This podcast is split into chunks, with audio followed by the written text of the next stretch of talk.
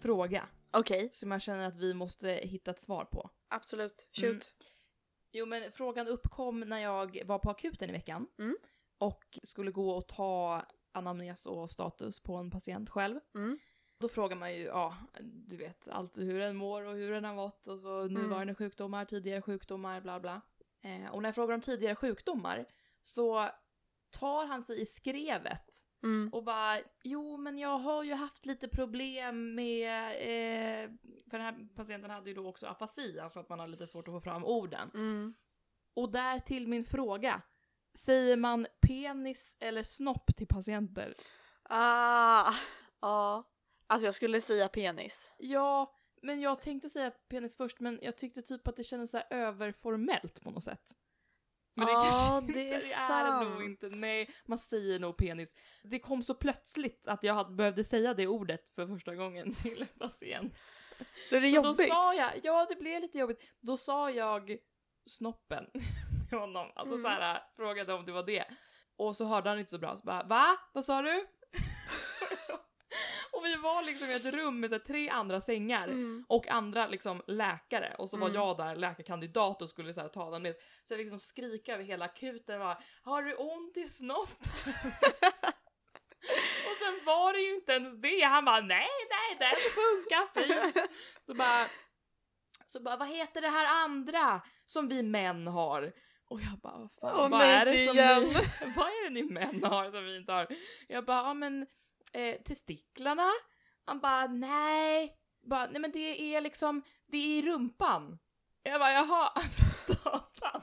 Jag fattar att det är det han kopplar det till. Ja. Och det hade jag ju, så här, i efterhand så fattar jag så här, det borde, jag, borde ju vara det första jag frågar om för att typ alla har ju liksom prostataförstoring när man är Ja. äldre. Men eh, det kopplade inte jag. Så att, Nej. eh, nej men jag skämdes ihjäl när alla läkare gick bara gick från sina patienter förbi mig och såg att det var jag som hade där Har du ont i snoppen? Men jag tycker att alltså, det är ju ändå ett ganska bra ord. Alltså det är ju liksom fel med att använda det ordet. Snoppen. Nej. Det kan man väl använda? Ja, det kan man väl. Jag vet inte. Ja, ja, vi får väl veta mer nästa termin för då är vi på urologen. Ja, Så då då, kan vi ställa den här frågan Ja. till en läkare. Ja. Ja. Men det här var ju inte det vi skulle prata om i det här avsnittet egentligen. Nej, Vi ska prata om något helt annat. ja. Helt Vi hade annat. tänkt att prata om eh, preventivmedel. Ja, och närmare bestämt typ p-piller Ja. egentligen. Det är det vi kommer prata om mest. För det var det Ja. som vi tyckte var intressant. Ja. Plus att det är ett ganska hett ämne just nu. Jo men exakt. Det florerar ju väldigt mycket i medier. Mm. Eh, det här med Biverkningar och... Eh, risker med Ja. p-piller och allt sånt. Så att vi ville djupdyka i det här, dissekera ämnet och gå in liksom på detalj och så. Mm. Något som är intressant är att svenska kvinnor har en väldigt negativ inställning till hormonella preventivmedel jämfört med andra länder. Och den här negativa inställningen har också ökat väldigt mycket på senare år. Ja, så är det faktiskt. Och vi har ju då hittat en svensk studie gjord av Hellström, Gemsell Danielsson och Kopp Kallner, publicerad 2019, där man undersökte vilka preventivmedel kvinnor använde och till exempel varför de inte använde preventivmedel om de nu inte gjorde det. Så man hade alltså, visst var det tusen svenska kvinnor? Mm. I fertila åldrar. Mm. Och varav 15 procent inte använde något preventivmedel trots att de inte ville bli gravida. Ja, och om man jämför med till exempel USA, där var samma siffra 10% och i Frankrike så var det under 3%. Det är sjukt. Ja, det betyder alltså att folk använder inte preventivmedel fast att de vet att de behöver. Och det här speglar ju också den höga siffran vi i Sverige har av eh, oplanerade graviditeter. Ja.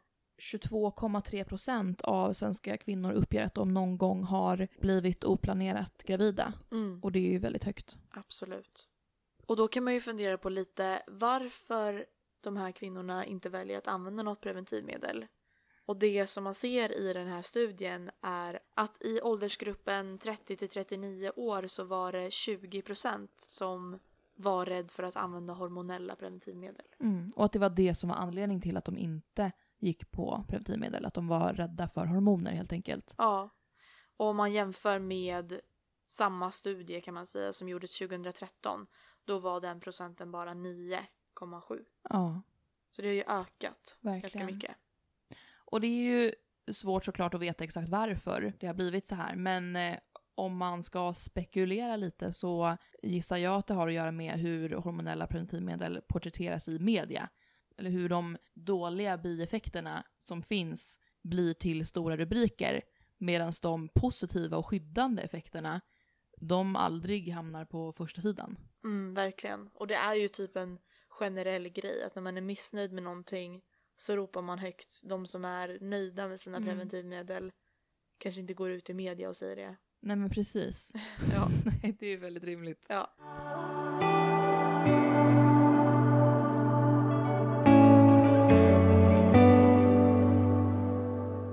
Så, kombinerade hormonella preventivmedel innehåller både östrogen, det vill säga estradiol eller etynylestradiol, vilket är en form av estradiol som klarar sig längre i blodet än vad estradiol gör. Och även en syntetisk form av progesteron som har samlingsnamnet gestagener. Innan man kom på det kombinerade p-pillret så visste man att progesteron kunde hämma ovulationen, men problemet var att när man käkar progesteron i den form som finns i våra kroppar så togs det upp väldigt dåligt. Det har man ju sett även med naturligt östrogen, att det bryts ner i levern redan innan det hinner nå det stora liksom, blodomloppet. Ifall att det är i samma form som det som vi själva producerar. Så då lyckades man sen modulera progesteronet så att det inte skulle brytas ner direkt när man äter det. Det var ju smart. Väldigt smart. Så de hormonerna som finns i p-piller det är inte exakt samma sak som vi producerar själva i våra kroppar. Nej, man har ju modulerat den kemiska strukturen lite grann Mm. för att den ska hålla längre. För Ja. annars hade det inte gett den effekten som Just vi det. vill åt. Det är därför man säger att det inte är naturliga hormoner. Ja. Man har ändrat form lite grann. Exakt. Och när vi ändå pratar om vad som är naturligt och inte så tycker jag att det är viktigt att komma ihåg att bara för att någonting är syntetiskt eller kemiskt framställt så betyder ju inte det att det är liksom skadligare eller farligare för oss än vad våra egenproducerade hormoner är. För jag menar, våra egna hormoner har ju också effekter och därmed bieffekter på det sättet att om vi får för mycket eller för lite av det så kan det påverka oss negativt. Så jag menar på precis samma sätt så tycker jag att man ska tänka om syntetiska hormoner och andra läkemedel för den delen att allt har ju både effekter och bieffekter. Oavsett om det är producerat av kroppen eller på ett labb.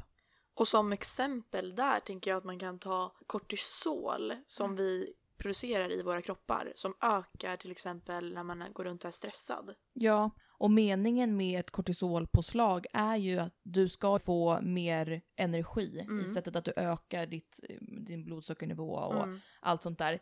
Om du får kortisol mm, liksom ofta eller länge, då kommer du ju gå runt med hyperglykemi, alltså för mycket blodsocker, vilket kan ge diabetes och du kan... Hjärt och kärlsjukdomar. Ja, Och det här är liksom bara av att gå runt och vara stressad. Det har vi inte tillsatt någonting. Det här är våra egna hormoner som kan ja skada oss om man så vill säga. exakt. Och bieffekter är ju bara effekter som inte är välkomna. Mm. Man skulle ju aldrig få för sig att kalla effekter av våra egna hormoner eller våra egna kroppar för biverkningar. Nej. Men det skulle man ju i så fall kunna säga om typ mensvärk. Mm. Det är en biverkan av att ha mens. Kan det Ja. vara. Eller att man har växtverk. Mm. Det är en biverkan eller en bieffekt av att växa. Precis, och det är ju inte patologiskt på något sätt. Nej. Kroppen sköter sig själv och eh, ibland så... Är det inte välkommet? Exakt.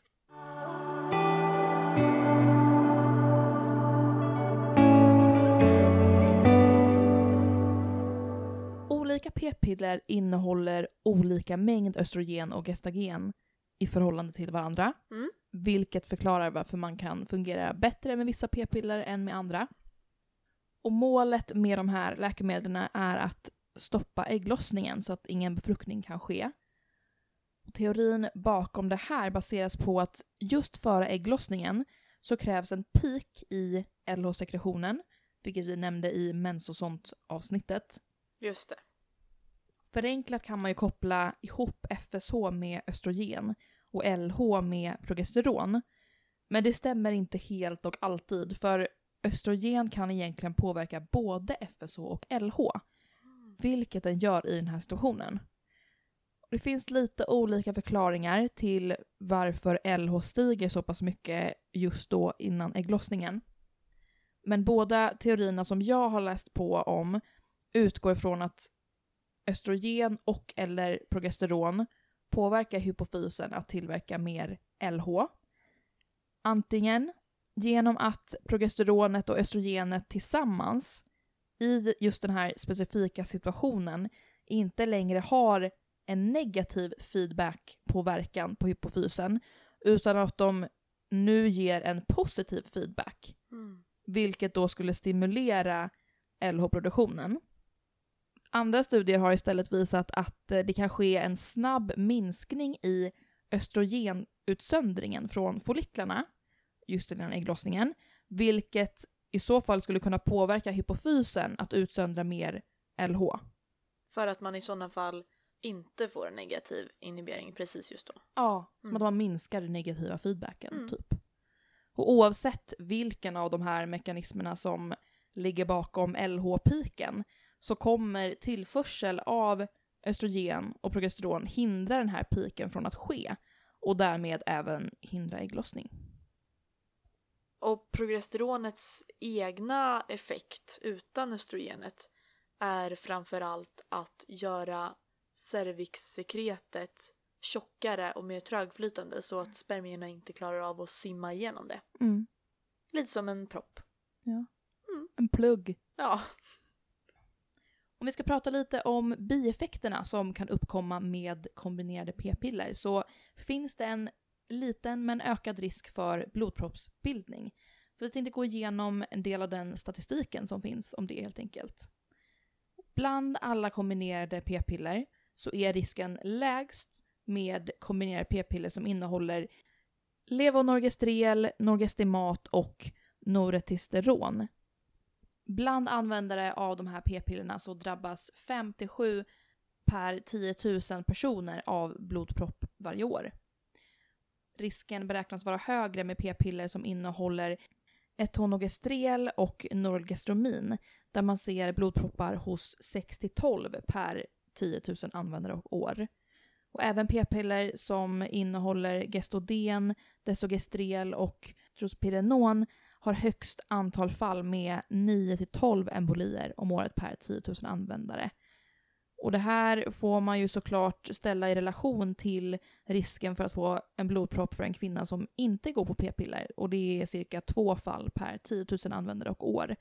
Procentuellt så blir det då en eh, 0,0 2 risk att drabbas av blodproppar utan användning av p-piller och 0,05 till 0,12 risk med kombinerade p-piller. Det här får man ju ändå tycka är väldigt liten risk ändå. Verkligen. Och det finns ju en risk till att börja med som du sa. Ja, och den risken till att börja med ökar ju till exempel om man har eh, blodproppar i familjen. Mm. Alltså om någon i ens familj har haft en blodpropp. Ja.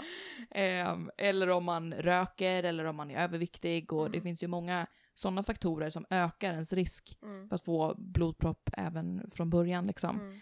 Och då ska man ju inte ta de här p-pillerna. Precis. Så där är det jätteviktigt att man gör en eh, individuell bedömning för varje patient. Att man, man skriver ju inte ut kombinerade hormonpreparat till personer som själva haft eller vars föräldrar eller syskon haft blodpropp eller att man har andra riskfaktorer. Mm.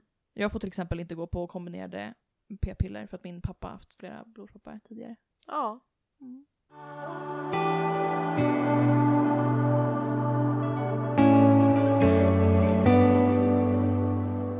En annan sak som man ofta hör är hur det psykiska måendet påverkas av p-piller och att många tycker att de mår dåligt av att gå på p-piller. Mm.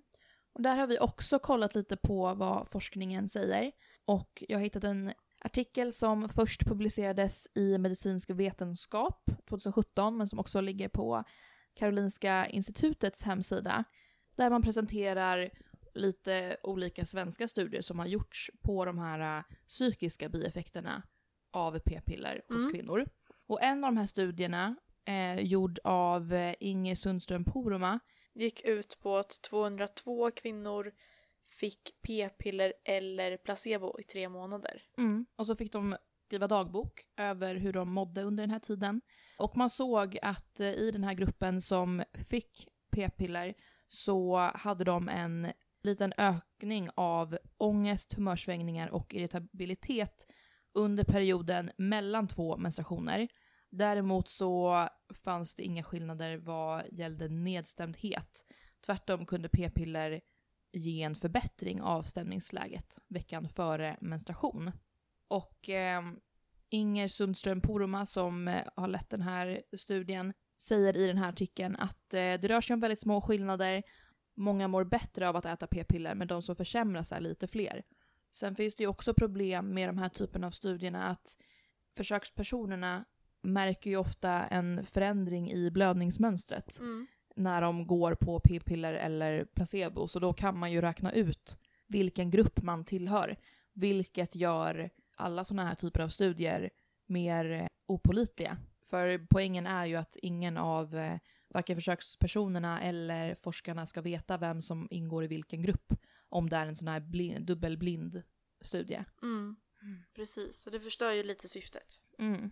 I den här artikeln så nämner också Helena Kopp Kallner som är överläkare och forskare vid eh, Danderyds sjukhus att eh, de har gjort en studie som visar att 57% av svenska kvinnor inte kan nämna en enda positiv hälsoeffekt av preventivmedel. Samtidigt som man sedan länge vet att eh, hormonella preventivmedel minskar blödningar, mensvärk och risken för vissa typer av cancer.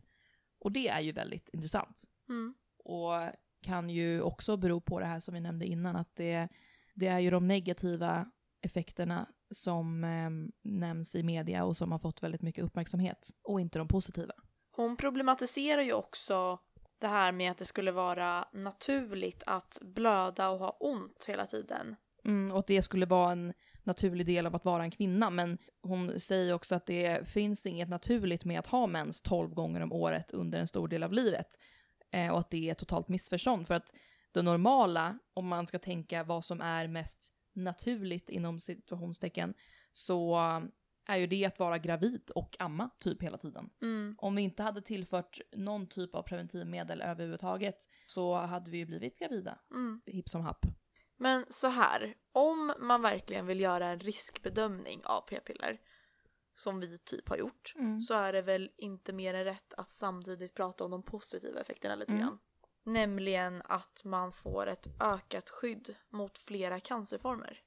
Och det här skyddet är då störst mot speciellt ovarialcancer och endometriecancer. Och då tyckte i alla fall jag att det kunde vara intressant att veta hur stor riskminskningen är. Eftersom det såklart också spelar roll ifall det är värt att ta dem eller inte. Mm, verkligen. Och då var ju såklart riskminskningen uttryckt i något som kallas för rate ratio. Bara för att göra det lite extra invecklat. Mm. Eh, men rate ratio är egentligen att man tar incidence rate, a.k.a. hur ofta nya sjukdomsfall av en viss typ av cancer uppkommer per år. Först hos p-pilleranvändare och så delar man det talet med samma sak för de som inte äter p-piller. Mm. Och då vill man ju få fram en så låg siffra som möjligt. Där en rate ratio på 0,5 blir en halvering av cancerrisken när man äter p-piller. Mm. Och de här uh, olika cancerna fick då olika rate ratio. Där endometriecancer fick 0,66, ovarialcancer 0,67, lymf och blodcancer 0,74 och kolorektalcancer 0,81. Så alla de här cancersorterna minskade man risken för att få om man går på p-piller helt enkelt. Ja, precis. Så om man går på p-piller så har man bara 66% av den risken som man har när man inte går på p-piller. Exakt. Det häftiga är att man bara behöver äta p-piller i ett år för att få en minskad cancerrisk och att den så kallade skyddande effekten håller i sig i 15 till 30 år, om inte längre. Och jäklar, det visste Ja. inte jag. Så det här är ju ett bra sätt att investera i sin framtid kan jag tänka. ja, Ja. verkligen.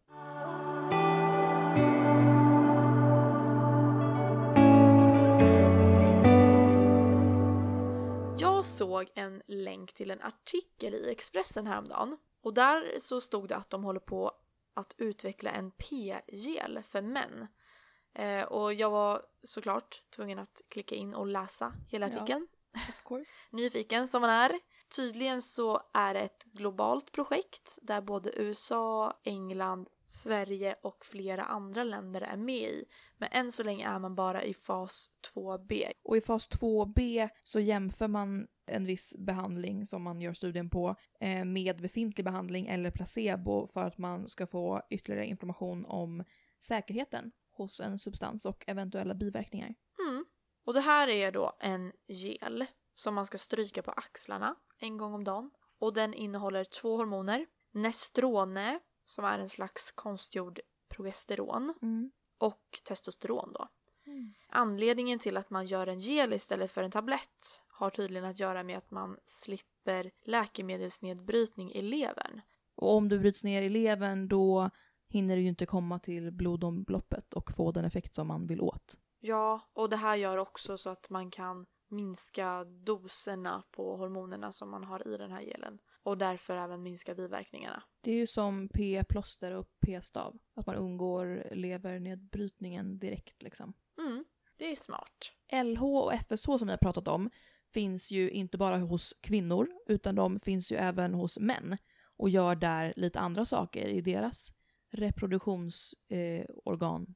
Det normala är ju då att LH stimulerar celler som kallas Leydig-celler så att dessa producerar testosteron och att FSH istället stimulerar andra celler som kallas Sertoli-celler som i sin tur står för själva spermieproduktionen. Båda de här typerna av celler sitter i testiklarna. Men för att göra det hela lite mer komplicerat så räcker det inte bara med FSH och Sertoli-celler för att det ska bildas spermier utan det behövs även testosteron. Det som händer när man använder den här gelen, eller gelen, vad det nu heter, Oklart. oklart, eh, är att Nestrone hämmar LH och FSH från hypofysen då genom negativ feedback och därför kommer man både att få en minskad spermieproduktion och en minskad testosteronproduktion för att vi behöver ju båda de här sakerna för Mm. att göra spermier och eh, testosteron. Just det.